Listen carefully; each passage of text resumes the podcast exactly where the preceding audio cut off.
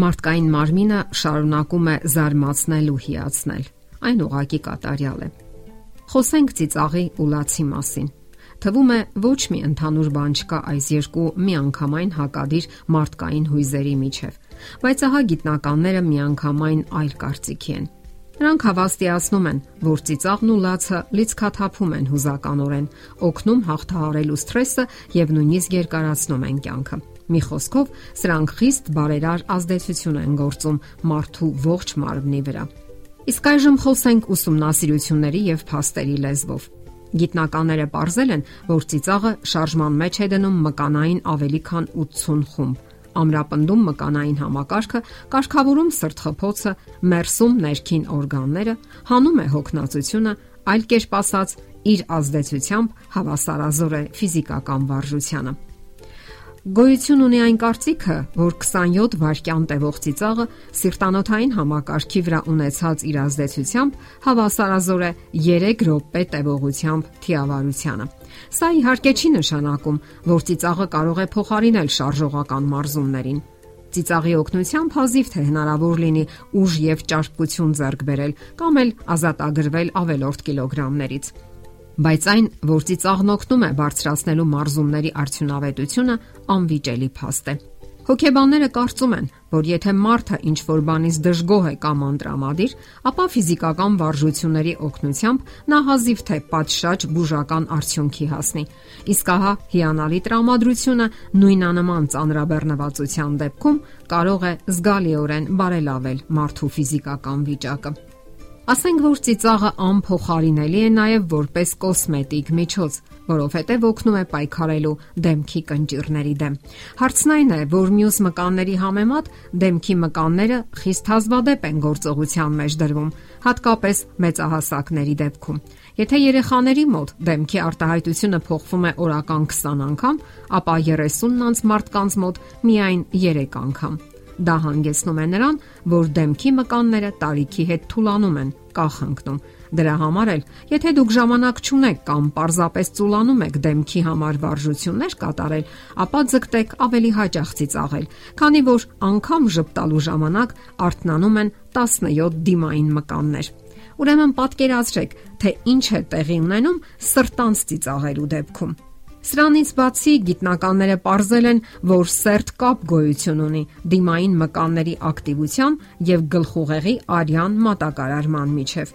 Երբ մարդը ծիծաղում է կամ թեկուզ ժպտում, ուժեղանում է արյան հոսքը դեպի ուղեղ, այն ավելի շատ թթվածին է ստանում, ինչը դրական ազդեցություն է ունենում հուզական վիճակի վրա։ Եվ եթե գարնանը ձեզան հանգստացնում են եղանակի քմահաճույքները, առաջացնելով գլխապտույտ եւ գլխացավեր, Խորհուրդը մեկն է՝ ծիծաղեք։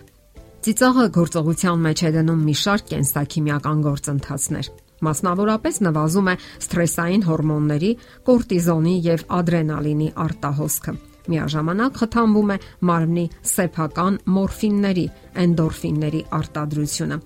Էնդորֆինները բթացնում են ֆիզիկական եւ հոգեկան ցավի զգացումը, առաջացնում ինքնաբավականության եւ շրջապատող աշխարից գոհության զգացում։ Դրանից բացի ծիծաղը փոխում է սրտի աշխատանքի ռիթմը, որը սկզբում հաճախանում է, իսկ ապա նվազում։ Իսկ լավ հրհրոսի մի լավ չափաբաժինը իջեցնում է արյան ճնշումը եւ թուլացնում մկանները։ Ծիծաղի թերապիան օգնում է անգամ ուռուցքային ծանր հիվանդներին։ Արտասահմանյան որոշակի կլինիկաներում գործում են հատուկ ծիծաղի սենյակներ։ Իսկ ահա Գերմանիայում ստեղծվել է ծաղրածուների եւ բժիշկների միավորում։ Ծաղրացուները այցելում են մասնավորապես քաղցկեղով հիվանդ երեխաներին։ Ծիծաղը ամրապնդում է պաշտպանական համակարգը, կենտրոնացնում մարմնի ուժերը պայքարելու այդ սարսափելի հիվանդության դեմ։ Եվ եթե հավատանք մասնագետներին, 10 րոպե տևող ծիծաղը 1 օրով երկարացնում է կյանքը։ Իսկ այժմ լացի մասին։ Արցունքներով լացել մարդը սկսում է 5-ից 12 շաբաթական հասակից իսկ ամբողջ կյանքում հասցնում է իրենից քամել մոտավորապես 70 լիտր արցունք։ Վիճակագրության համաձայն կանայք տղամարդկանցից 5 անգամ ավելի շատ են լացում։ Կանանց արյան մեջ պարունակվում է պրոլակտին հորմոնը, որը պատասխանատու է ոչ միայն արցունքի արտադրության, այլև կաթի մշակման համար կրծքով կերակրելու ժամանակ։ Մինչև սեռական հասունացումը այդ հորմոնի պարունակությունը նույնն է թե տղաների, թե աղջիկների մոտ։ Այդ պատճառով էլ նրանք լացում են հաճախակի եւ անզուսպ։ Իսկ ահա հասուն կնոջ մոտ արցունքի մակարդակը 60%-ով բարձր է տղամարդկանց համեմատ։ Ահա եւ ողփալի հետևանքները։ Դրանից բացի տղամարդիկ քիչ են արցունք թափում այն պատճառով, որովհետև նրանց մարմնում կա մի նյութ, որը արգելակում է արցունքային հեղուկի կուտակումը։ Կանացի արցունքները կես աստիճանով ավելի տաք են տղամարդկային արցունքներից, թափանցիկ են, ինչպես թորած ջուրը, եւ դրանց շնորհիվ կանայք տղամարդկանցից ավելի թեթևորեն են գլուխանում կենսական դժվարություններից եւ վերջապես ավելի երկար են ապրում։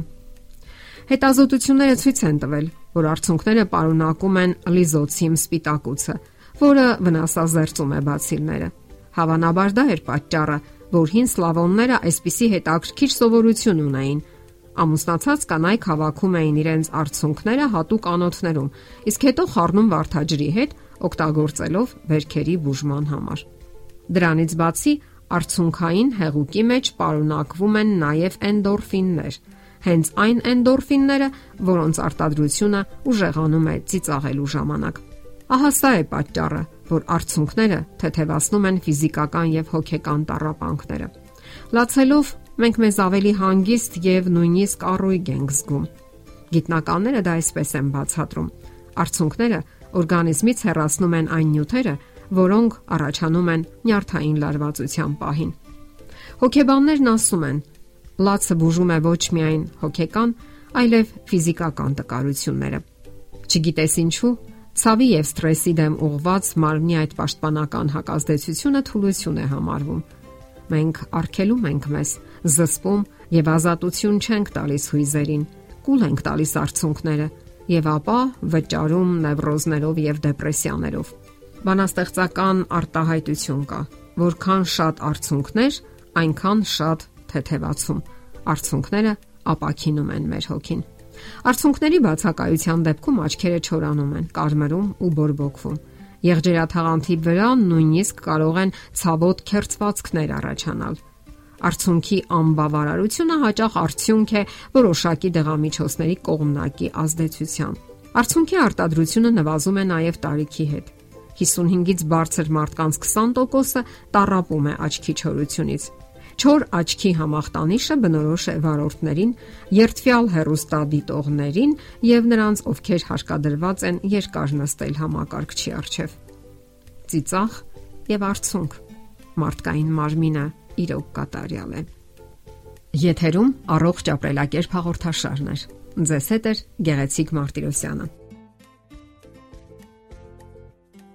Հարցերի եւ առաջարկությունների համար զանգահարել 033 87 87 87 հեռախոսահամարով։